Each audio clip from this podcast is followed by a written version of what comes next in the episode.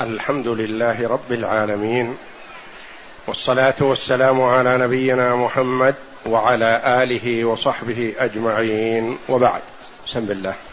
بسم الله الرحمن الرحيم.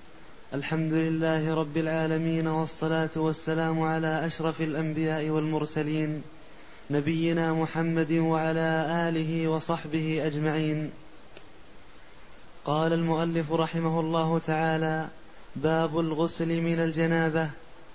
عن أبي هريرة رضي الله عنه أن النبي صلى الله عليه وسلم لقيه في بعض طرق المدينة وهو جنب. قال فانخنست منه فذهبت فاغتسلت ثم جئت فقال أين كنت يا أبا هريرة؟ قال كنت جنبا فكرهت أن أجالسك وأنا على غير طهارة. فقال سبحان الله إن المؤمن لا ينجس.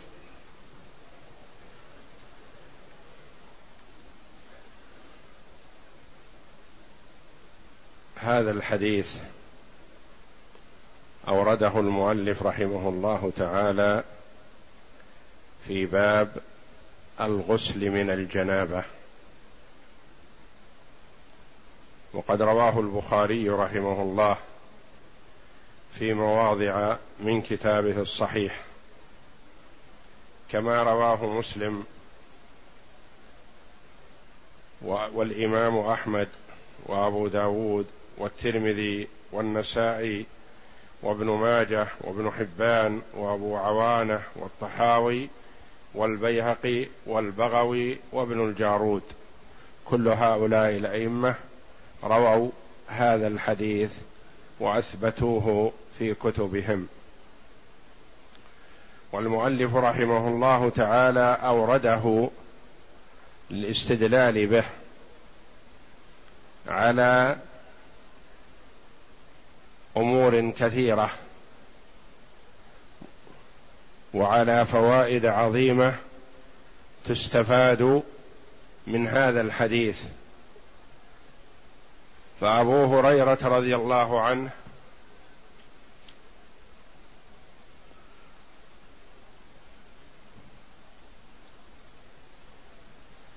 يقول إنه لقيه النبي صلى الله عليه وسلم في بعض طرق المدينة. لقيه كأنه لم يقصد الذهاب إلى النبي صلى الله عليه وسلم ولم يقصد الجلوس معه لأنه عرف من حاله أنه على جنابة فأكرم النبي صلى الله عليه وسلم وعظمه من أن يجالسه وهو على جنابة.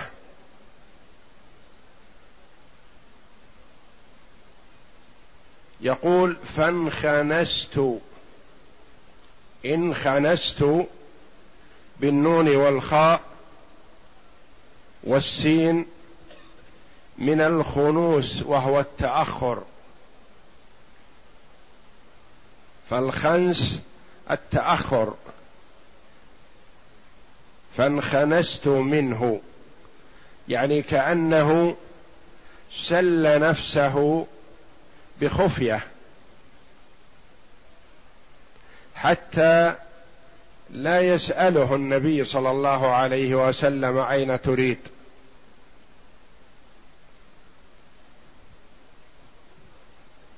تكريما للنبي صلى الله عليه وسلم.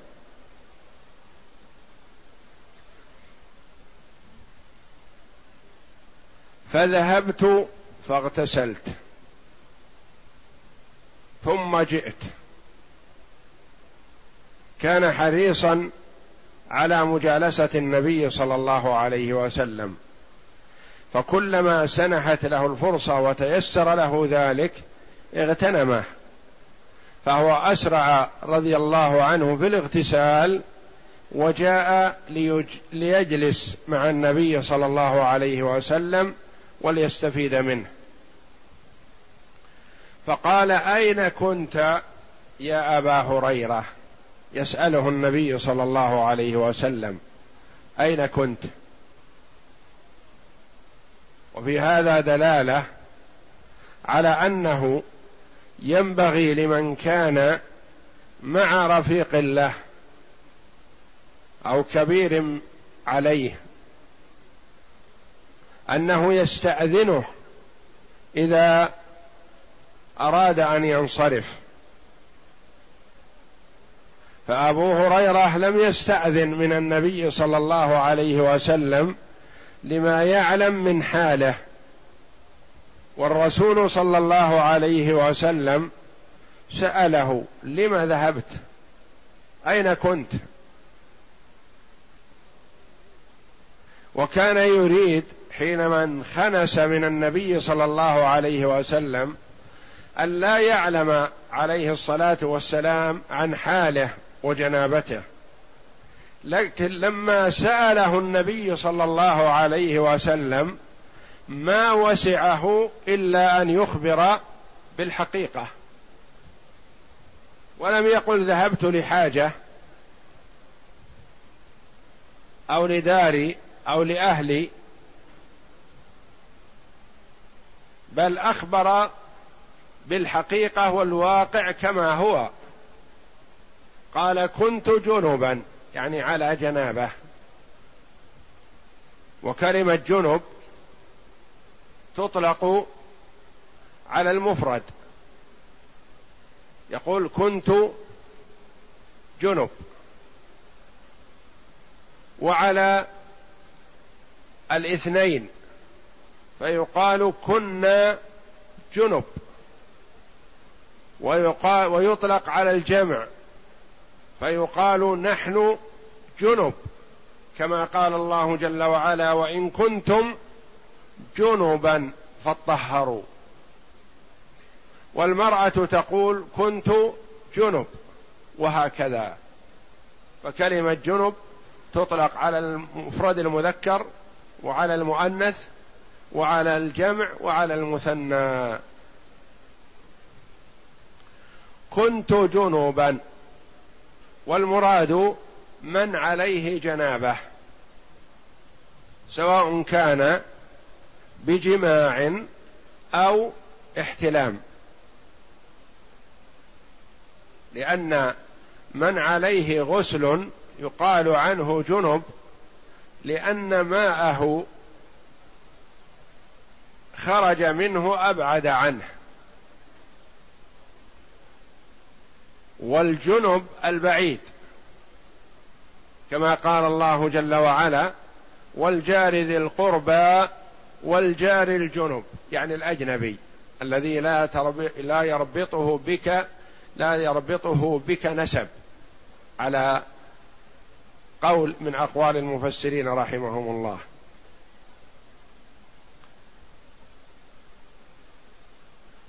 فكرهت ان قال كنت جنبا فكرهت أن أجالسك وأنا على غير طهارة.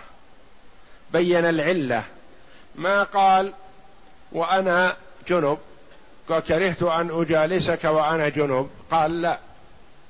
فكرهت أن أجالسك وأنا على غير طهارة. أخذ منه فهم. أبي هريرة رضي الله عنه أن الجنب على غير طهارة يعني فيه نجاسة. كأنه قال وكرهت أن أجالسك وأنا نجس. ولذا قال النبي صلى الله عليه وسلم سبحان الله وكلمة سبحان الله تطلق للتعجب من شيء ما. تقول مثلا لصاحبك اقرأ علي سورة الكهف. وأنتما في يوم الجمعة. فيقول لك لا أحفظها مثلا. فتقول سبحان الله أنت طالب علم ولا تحفظ سورة الكهف؟ تتعجب أن هذا لا ينبغي. سبحان الله يعني كيف فهمت هذا؟ فهمت أن الجنب نجس. ثم بين صلى الله عليه وسلم إن المؤمن لا ينجس. وفي رواية المسلم إن المؤمن لا ينجس يعني لا يكون نجسا ابدا. فهو حتى وإن كان محدث حدثا أصغر أو محدث حدثا أكبر فهو لا ينجس لا يقال له نجس وإن هذا معنى قام بالبدن يرفعه ويزيله الوضوء. وليس المراد من الوضوء أو الاغتسال أنه غسل نجاسة وإنما هو تعبد تعبدنا الله جل وعلا به. سبحان الله إن المؤمن لا ينجس. هذه فائدة عظيمة. المؤمن طاهر سواء كان حيا أو ميتا سواء كان محدثا أو طاهرا محدثا حدثا أكبر أو حدثا أصغر. والحدث الأكبر ما أوجب الاغتسال والحدث الأصغر ما أوجب الوضوء. فيقول عليه الصلاة والسلام إن المؤمن لا ينجس. وليس معنى ذلك أنها لا تصيبه نجاسة لا. فقد تصيبه النجاسة وتغسل فيزول أثرها. لكن لا ينجس لا يكون نجسا بدنه بهذا الأمر المعنوي الذي هو الجنوب.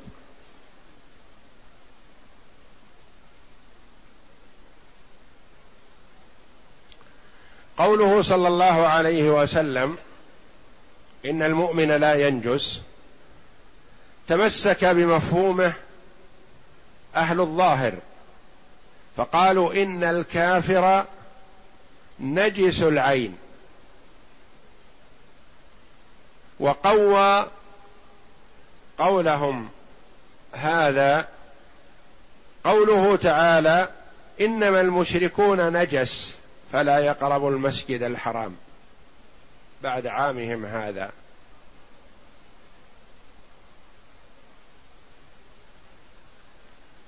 والجمهور على خلاف ذلك قالوا الكافر ليس بنجس العين.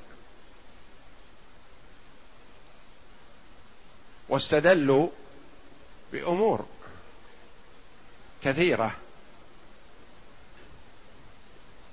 من الأدلة وهي كثيرة أن الله جل وعلا أباح للمسلم زواج الكتابية يهودية أو نصرانية. فإذا ضاجعها المسلم لا بد أن يصبه شيئا من عرقها. ولم يؤمر بغسل ما يصيبه من أثر العرق ونحوه. كذلك أن النبي صلى الله عليه وسلم توضأ من مزادة امرأة مشركة. ولو كان ما تمسه المرأة المشركة نجس لكان هذا الماء نجس ولا يسوغ أن يتوضأ به النبي صلى الله عليه وسلم.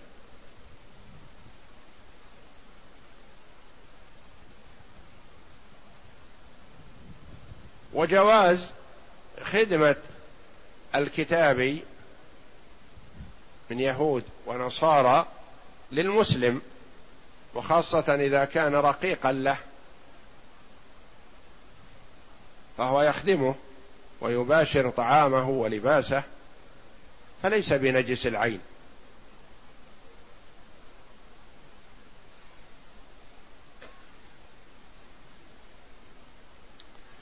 بماذا أجابوا عن الحديث إن المؤمن لا ينجس؟ يعني المؤمن لا إذا قال عليه الصلاة والسلام المؤمن لا ينجس قد يفهم منه المفهوم على أن غير المؤمن ينجس أن غير المؤمن نجس. أجابوا عن الحديث بأن المؤمن طاهر الأعضاء لاعتياده مجانبة النجاسة بخلاف المشرك الكافر لعدم تحفظه من النجاسة. يعني المؤمن حتى وإن كان على جنابة فهو ليس بنجس لأنه يتحرز من النجاسة ولا يبقي النجاسة على بدنه. بخلاف الكافر فالكافر يتلمس و ولا يبالي بالنجاسة ولا يتطهر من النجاسة ولا يغسل, أثر النجاسة في بدنه.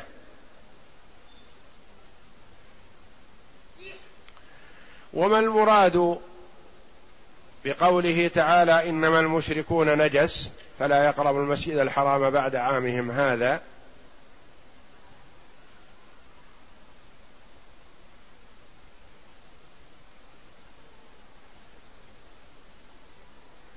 أن المراد أنه نجس في الاعتقاد والكفر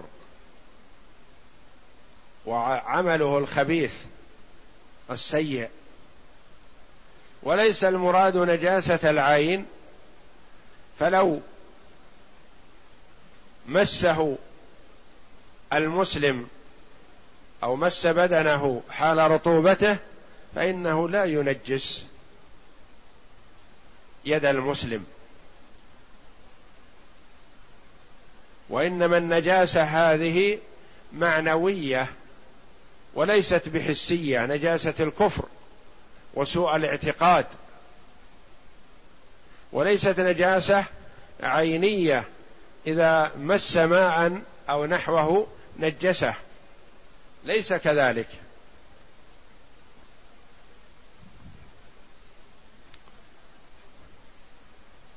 ذكر ذلك الحافظ ابن حجر رحمه الله في شرحه للبخاري فتح الباري.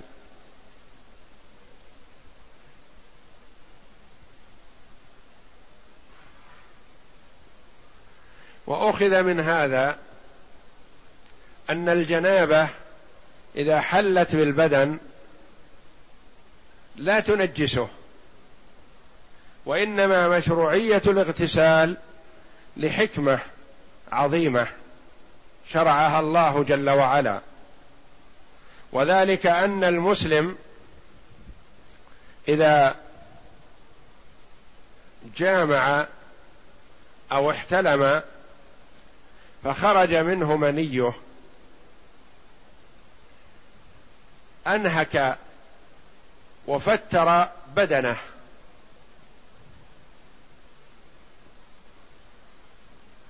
وأصابه تبلد وضعف. فشرع الله جل وعلا الاغتسال ليعيد للجسم نشاطه وقوته وتتحرك دورته الدموية. فيعود بعد الجماع أو الاحتلام كما كان قبل ذلك. لا يؤثر عليه هذا. ولهذا قال العلماء رحمهم الله إن على المسلم إذا كان تحته كتابية زوجة أو أمة أن يلزمها بعد الجماع بالاغتسال. وإن كانت لا تدين بذلك. لما يعود الاغتسال عليها منه بالفاعدة.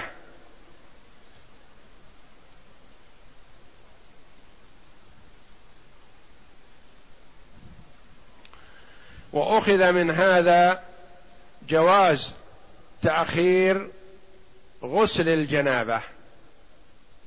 فأبو هريرة رضي الله عنه كان عليه جنابة وخرج إلى السوق لحاجة. فلو كان يلزم بعد الجنابة مباشرة الاغتسال لما خرج أبو هريرة ولقي النبي صلى الله عليه وسلم. كما أن هذا يؤخذ من أحاديث أخر أن النبي صلى الله عليه وسلم ربما دار على نسائه بغسل واحد. وربما اغتسل عند كل واحدة.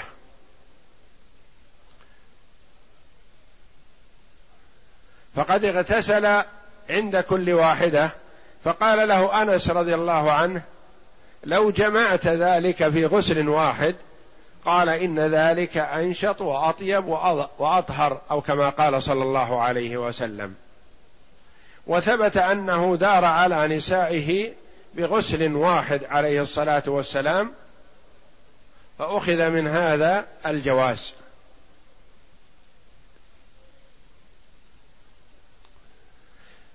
أخذنا واستفدنا من انخناس أبي هريرة رضي الله عنه.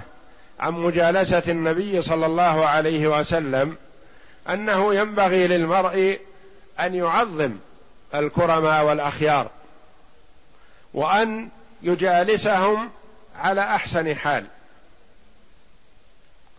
فأبو هريرة رضي الله عنه استحيا أن يجالس النبي صلى الله عليه وسلم وهو على جنابه واستحيا أن يعلمه أنه على جنابه.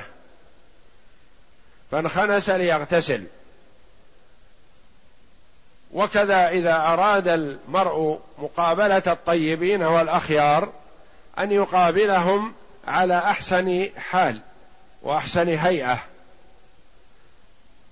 وإن كان قد علق به رائحة كريهة من أثر أكل بصل أو ثوم ونحوهما أن يحاول إزالة أثر هذه الرائحة فلا يجالس الأخيار إلا على أحسن هيئة وأطيب ريح.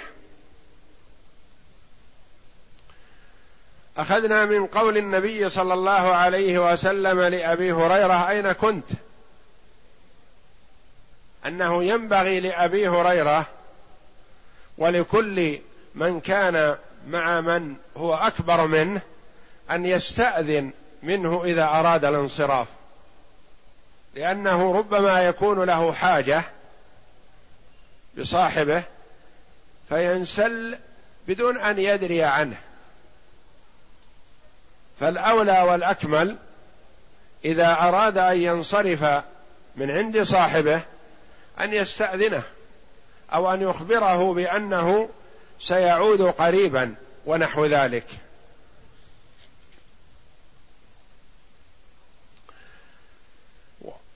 واستفدنا من ذلك كمال تعاليم الإسلام وفروضه وأنها كلها تعود بالمصلحة والفائدة العظيمة للبدن والقلب والعمل فهي في صالح العمل وفي صالح المرء وفي صالح قلبه وحسن معاملته.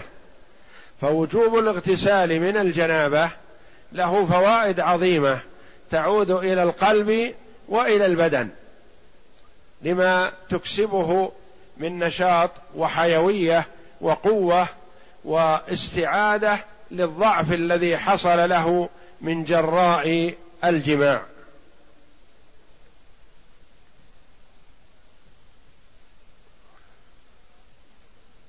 وأن المرء إذا سمع ما يتعجب منه يستحب له أن يتعجب بمثل ما تعجب به النبي صلى الله عليه وسلم. فيكون تعجبه تسبيح وتنزيه لله جل وعلا. فإذا تعجب من أمر من أمور صاحبه أن يقول سبحان الله ولا يأتي بها على سبيل السخرية أو على سبيل التهكم بصاحبه وإنما ينزه الله جل وعلا ثم يرشد صاحبه عن سبب تعجبه. والله أعلم. وصلى الله وسلم وبارك على عبد ورسول نبينا محمد وعلى آله وصحبه أجمعين.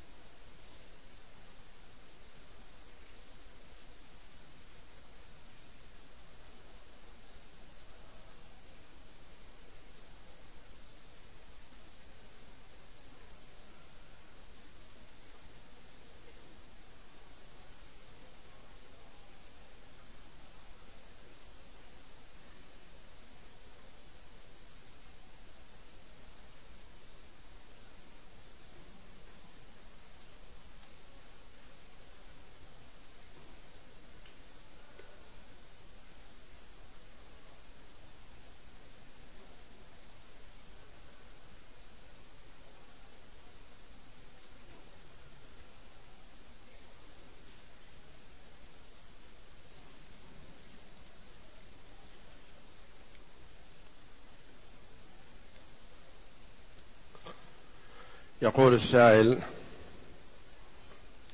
حسب رأي بعض العلماء رحمهم الله تارك الصلاة يكون كافر وإن كان قلبه مطمئن بالإيمان. وأنا أقول كيف يكون قلبه مطمئن بالإيمان وهو وهو لا يصلي؟ أين الإيمان؟ ممن ممن ترك الصلاة. والصلاة هي الإيمان وهي الطاعة وهي أفضل العبادات. والله جل وعلا سماها الإيمان. وما كان الله ليضيع إيمانكم يعني صلاتكم. لأن الصحابة رضي الله عنهم لما وجهوا إلى القبلة شرفها الله الكعبة وهم في المدينة وكانوا يصلون قبل ذلك إلى بيت المقدس إلى الشام. فتساءلوا عن صلاتهم السابقة التي صلوها إلى بيت المقدس. وعمن عمن مات وهو متوجه إلى بيت المقدس. ما حكمه وكيف صلاته؟ قال الله جل وعلا وما كان الله ليضيع إيمانكم. إن الله بالناس لرؤوف رحيم. فما يكون الرجل قلبه مطمئن بالإيمان وهو لا يصلي؟ أين الإيمان؟ والله جل وعلا يقول فإن تابوا وأقاموا الصلاة وآتوا الزكاة فخلوا سبيلهم. ماذا نفهم من هذا؟ أن من لم يقم الصلاة لا يخلى سبيله يقاتل. وقال تعالى فإن تابوا وأقاموا الصلاة وآتوا الزكاة فإخوانكم في الدين. فيفهم من هذا أن من لم يقم الصلاة فليس بأخ لنا في الدين. إذا لم يكن أخ لنا فهو كافر. لأن المسلم أخو المسلم. حتى وإن كان شيء عندهم شيء من الفسق. قال الله جل وعلا فأصلحوا بين أخويكم. إذا تقاتل طائفتان من المسلمين يتقاتلون. وكل واحد حريص على قتل صاحبه وسماهم الله جل وعلا إخوانا لنا. هم كفار. وأما تارك الصلاة قال فإن تابوا وأقاموا الصلاة وآتوا الزكاة فإخوانكم. معناه أنه إذا لم يقم الصلاة فليس بأخ. وما دام ليس بأخ فهو كافر. وقال صلى الله عليه وسلم العهد الذي بيننا وبينهم الصلاة فمن تركها فقد كفر. بين الرجل وبين الكفر أو الشرك ترك الصلاة.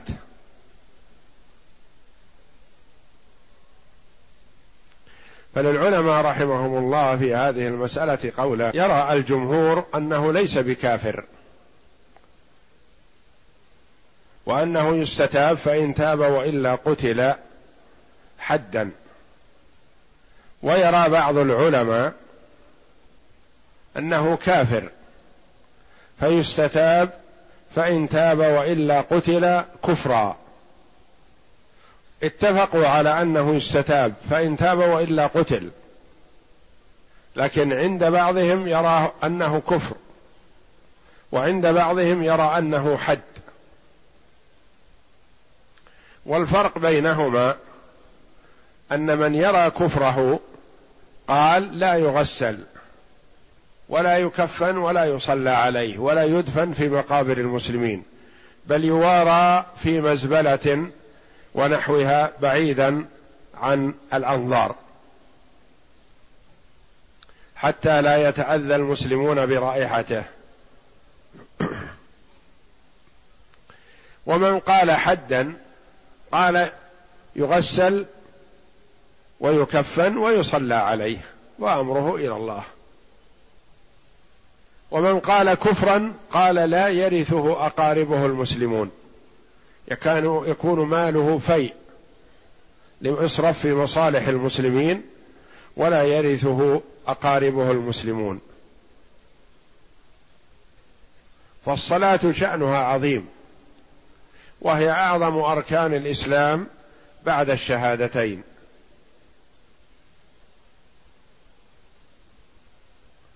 وأما من جحد وجوبها قال ليست بواجبة حتى وإن صلى فهو كافر بإجماع المسلمين.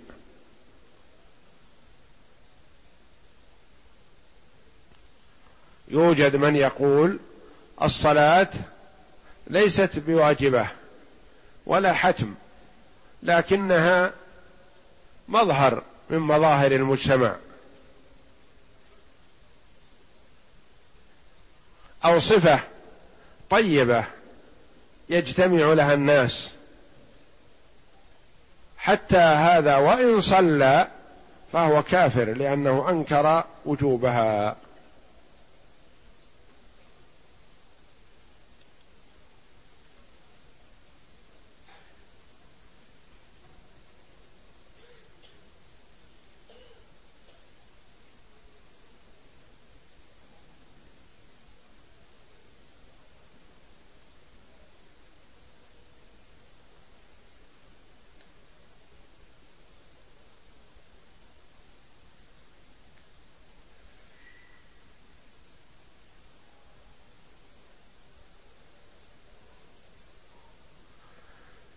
يقول معنى قوله تعالى ونادوا يا مالك ليقض علينا ربك قال إنكم ماكثون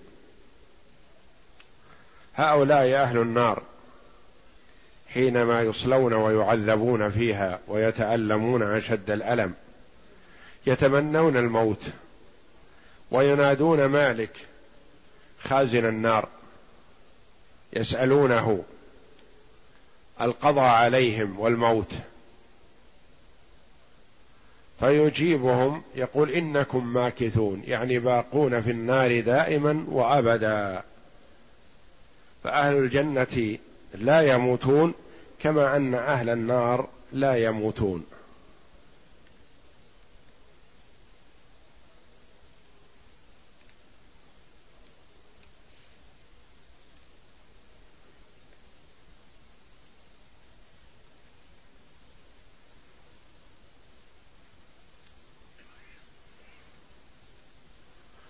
يقول هل يجوز للرجل أن يطوف بين نسائه في ليلة واحدة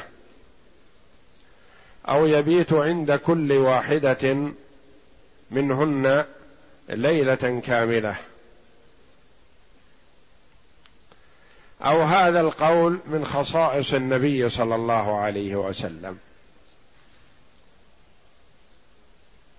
ورد أن النبي صلى الله عليه وسلم ربما طاف على نسائه في ساعة واحدة. وربما اغتسل عند كل واحدة وربما اغتسل غسلا واحدا بعد المرور عليهن. وسئل أنس رضي الله عنه عن ذلك قال كنا نحدث أنه أعطي قوة ثلاثين. فعنده قوة ثلاثين رجل. وقيل قوة أربعين رجلا من أهل الجنة. وقوة الرجل من أهل الجنة قوة مائه رجل. من أهل الدنيا. فقوته صلى الله عليه وسلم الشخصية والبدنية عظيمة. فلا يستغرب أن يدور على نسائه صلى الله عليه وسلم كلهن وهن تسع في ساعة واحدة. ثم أخذ من هذا العلماء جواز أن يدور الرجل على نسائه في وقت واحد. قالوا بعد إذن من كان ذلك اليوم يومها. أو قالوا وقال بعضهم بل هذا بعدما يتم القسمة بينهن يجعل يوما واحدا للجميع. أو حال قدومه من السفر مثلا يمر على كل واحدة منهن ثم يبدأ بالقسمة. وبعضهم قال مرور الرجل على نسائه جميعا هذا من خصائص النبي صلى الله عليه وسلم. لأنه رؤي أنه دار عليهن وكن تسع. ورؤيا دار عليهن وكن إحدى عشرة. فالذي قال تسع قصد الزوجات أمهات المؤمنين. لأنه جمع صلى الله عليه وسلم بين تسع. والذي قال وكن إحدى عشرة يعني أضاف إليهن الإماء ريحانة ومارية القبطية. وكن إما ويأتيهن صلى الله عليه وسلم بدون قسمة.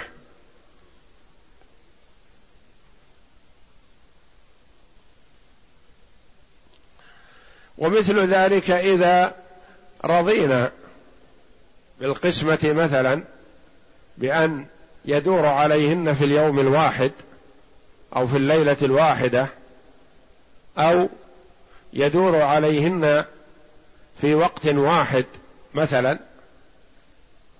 فهم إذا تراضوا على ذلك ساغ ولا حرج لأن الأمر لا يعدو الرجل مع زوجاته. فإذا تراضوا على ذلك ساق وأما إذا لم تقبل بعض النسوة فلا يجوز له أن يرغمها بل يقسم لكل واحدة يوما وليلة.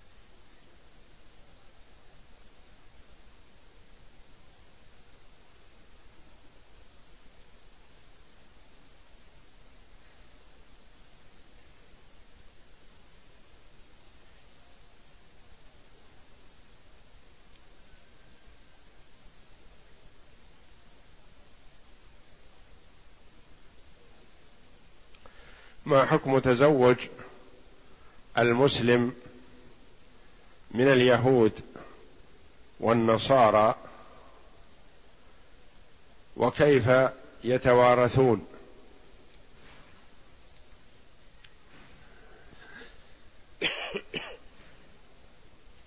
الله جل وعلا أباح للمسلم أن يتزوج الكتابية يهودية كانت أو نصرانية. بشرط العفاف أن تكون عفيفة وأن تكون محصنة يعني غير زانية.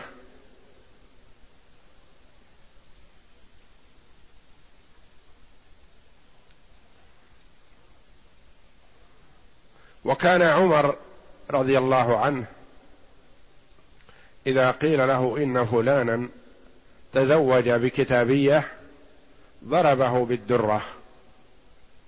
فقيل له أحرام هو؟ قال لا. ولكن ينهى عن ذلك رضي الله عنه لما يترتب عليه من نشأة الأولاد والخطر عليهم إذا كانت أمهم كافرة لا تؤمن بالله واليوم الآخر. ولذا قال العلماء رحمهم الله أصل الزواج من اليهود والنصارى جائز لكن لا ينبغي أن يقدم عليه المرء إلا للضرورة. إذا خشي على نفسه الوقوع في الحرام ولم يتيسر له أن يتزوج مسلمة فحينئذ له أن يتزوج الكتابية. وأما اليهودي والنصراني فلا يباح له بحال من الأحوال أن يتزوج المسلمة.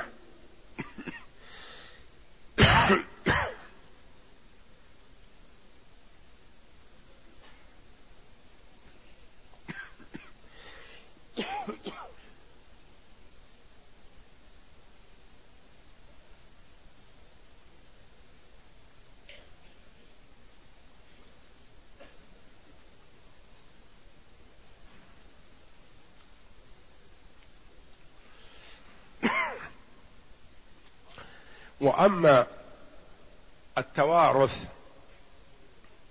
فالأولاد يتبعون خير أبويهم دينا فهم يتبعون أباهم.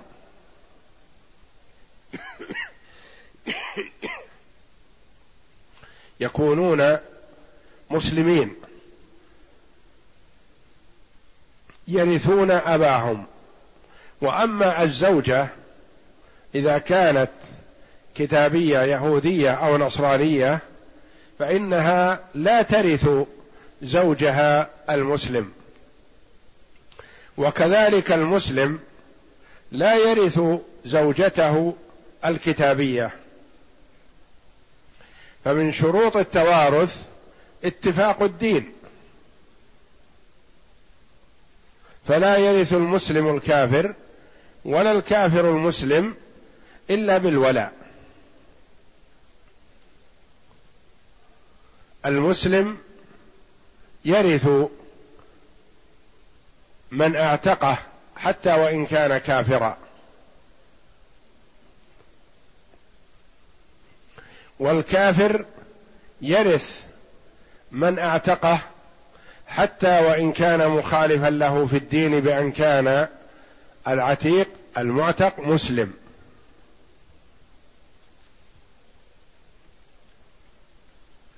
فالأولاد الناشئون بين مسلم وكافرة حكمهم حكم المسلمين هم مسلمون لأنهم يتبعون خير ابويهم دينا وخير الأديان هو دين الإسلام. وأما في التوارث فلا يرث المسلم الكافر ولا يرث الكافر المسلم إلا بالولاء.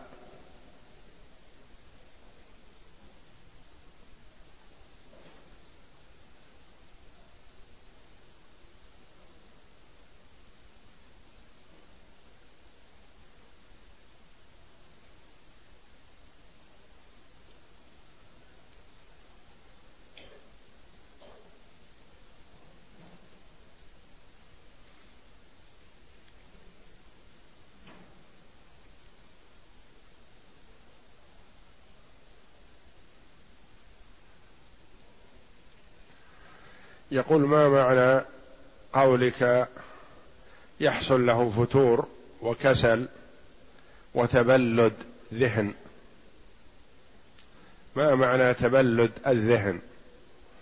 من نوع الفتور والكسل إلا أن الفتور والكسل في البدن والذهن الفكر والإدراك حال انتهائه من الجماع ليست قوته الذهنية وإدراكه للأمور كإدراكه لها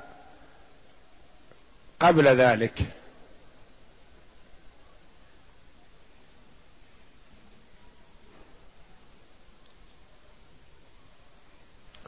ما حكم من خرج من مكة بعد الحج ولم يطف طواف الوداع؟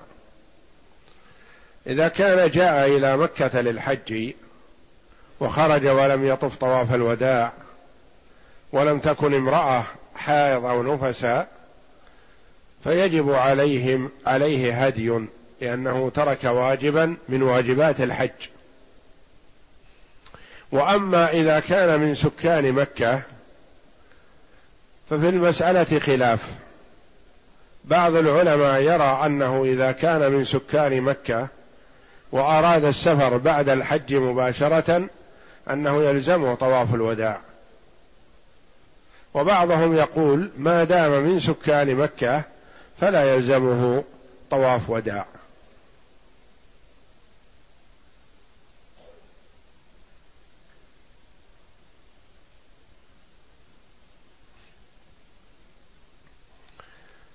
إذا جامع امرأته بعد سعي العمرة وقبل الحلق أو التقصير فماذا يجب عليه؟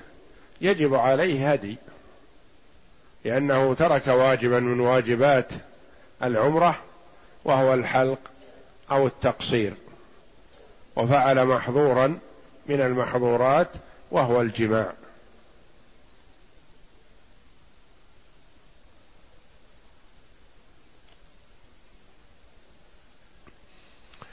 أحرم بالحج وطلع عليه فجر يوم النحر ولم يقف بعرفة.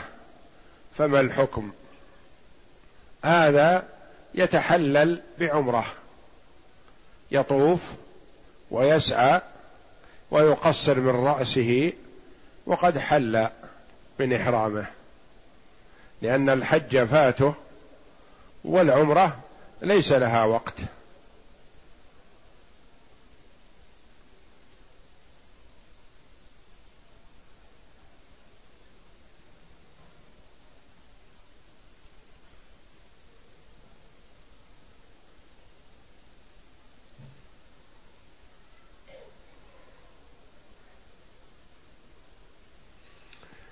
هل جائز أن أقول عند قراءة الفاتحة والسورة التي بعدها أعوذ بالله من الشيطان الرجيم قبل البسملة في جميع الفروض والنوافل؟ الاستعاذة تشرع عند أول قراءة. فإذا دخل في الصلاة واستفتح بأن قال سبحانك اللهم وبحمدك وتبارك اسمك وتعالى جدك ولا إله غيرك. يقول أعوذ بالله من الشيطان الرجيم. بسم الله الرحمن الرحيم. الحمد لله رب العالمين. وتكفي هذه الاستعاذة لجميع القراءة في هذه الصلاة. لا يكررها في الركعات الآتية لأنها عند أول قراءة وقد استعاذ فتكفي. ولا يستعيذ بين الفاتحة والسورة لأنه مواصل للقراءة.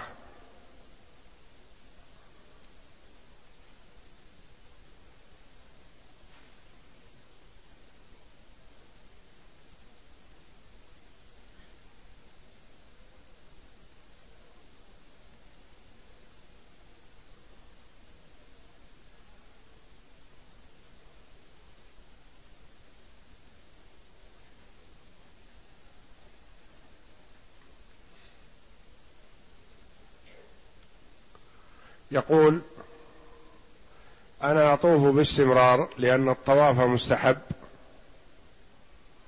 ودائما أكون ناويا أن يكون ثواب هذا الطواف أجره لي ولوالدي ولمن له حق علي فهل هذا جائز؟ اختلف العلماء رحمهم الله في الطواف عن الغير يعني عن الوالد. والوالدة وغيرهم. فبعض العلماء أجاز ذلك فمن أجاز هذا فيجوز لك أن تقول ما قلت. وبعضهم قال لا يجوز الطواف إلا عن المرء نفسه. وعلى هذا لا تطف عن الغير وإنما تدعو للغير. ولعل الأولى أن تدعو لمن أحببت وتكثر من الدعاء ولا تخصص طوافا عن الغير ما دام لم يرد وإنما تدعو والدعاء ينفع بإذن الله.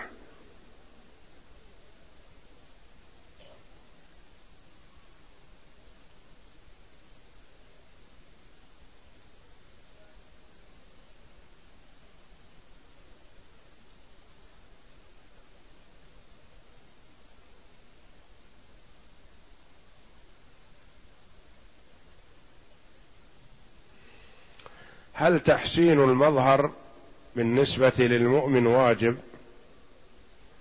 وماذا إذا كان فقيرا؟ لا لا نقول إن تحسين المظهر واجب.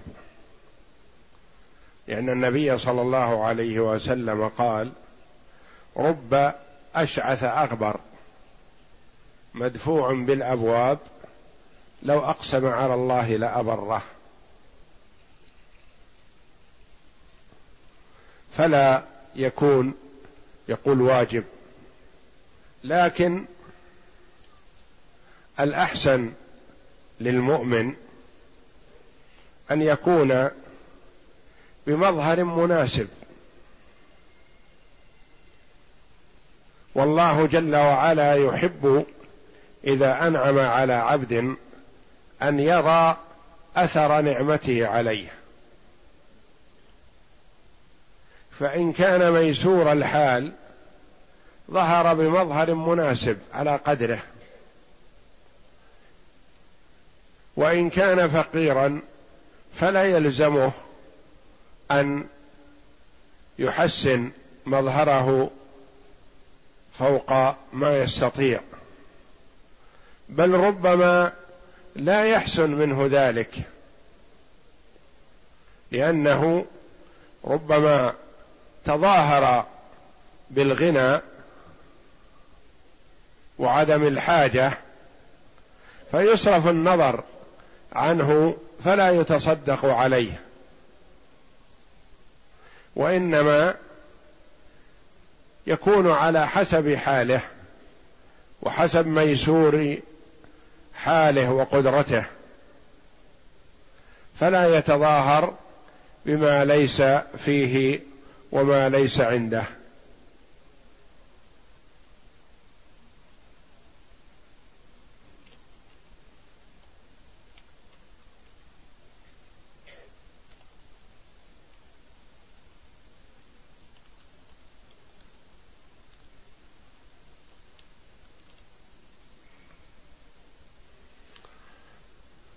أيهما أفضل الصلاة داخل الحجر أم خلف المقام سواء سنة الطواف أو سنة الصلاة نافلة. الصلاة داخل الحجر وخاصة مقدمته تعتبر من الكعبة والصلاة فيه كالصلاة داخل الكعبة لها فضل. والصلاة خلف المقام مشروعة مستحبة لأن الله جل وعلا قال واتخذوا من مقام إبراهيم مصلى. قال بعض المفسرين المراد يصلي خلف مقام إبراهيم. وقال بعض المفسرين المراد بقوله واتخذوا من مقام إبراهيم مصلى مقام إبراهيم هو المسجد الحرام كله ليس المراد بالمقام هو ما كان حول الصخرة التي كان يبني عليها إبراهيم البيت عليه السلام.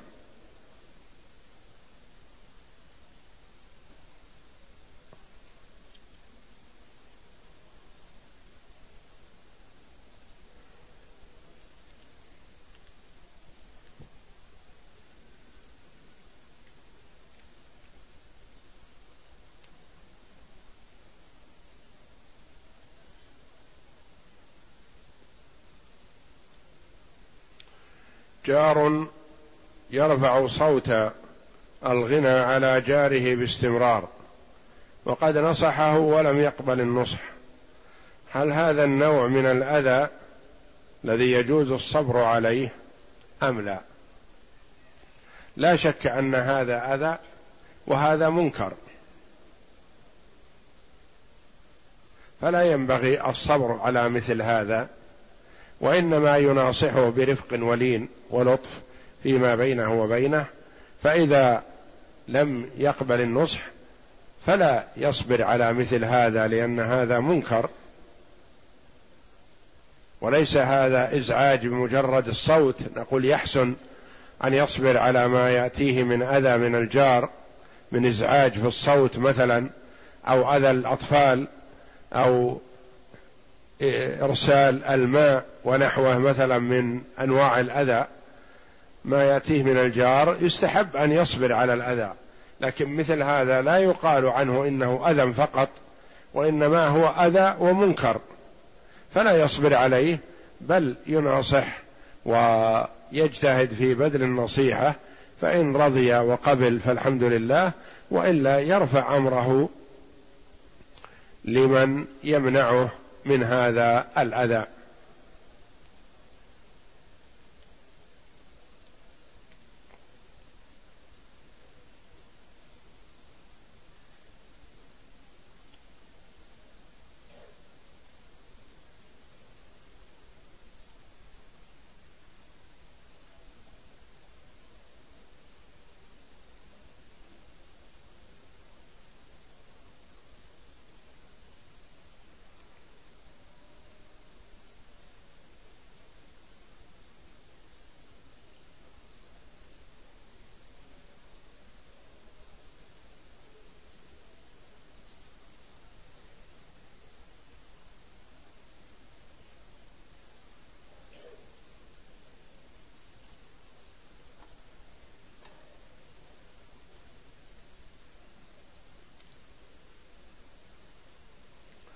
هل يجوز الزواج ببنت الزنا؟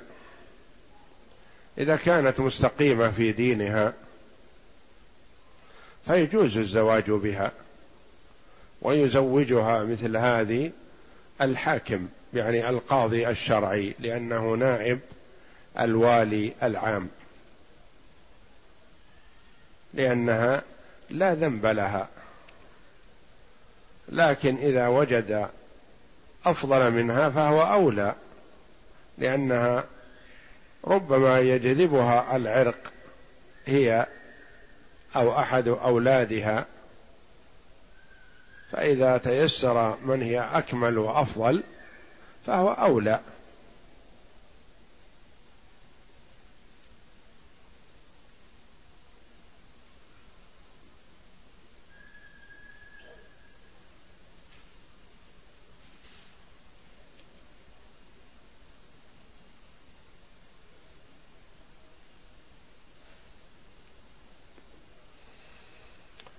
يقول بعض الناس يقولون لا يجوز إمامة ولد الزنا. نعم فيه قول لبعض العلماء رحمهم الله. قالوا إن أصله ومنشأه من حرام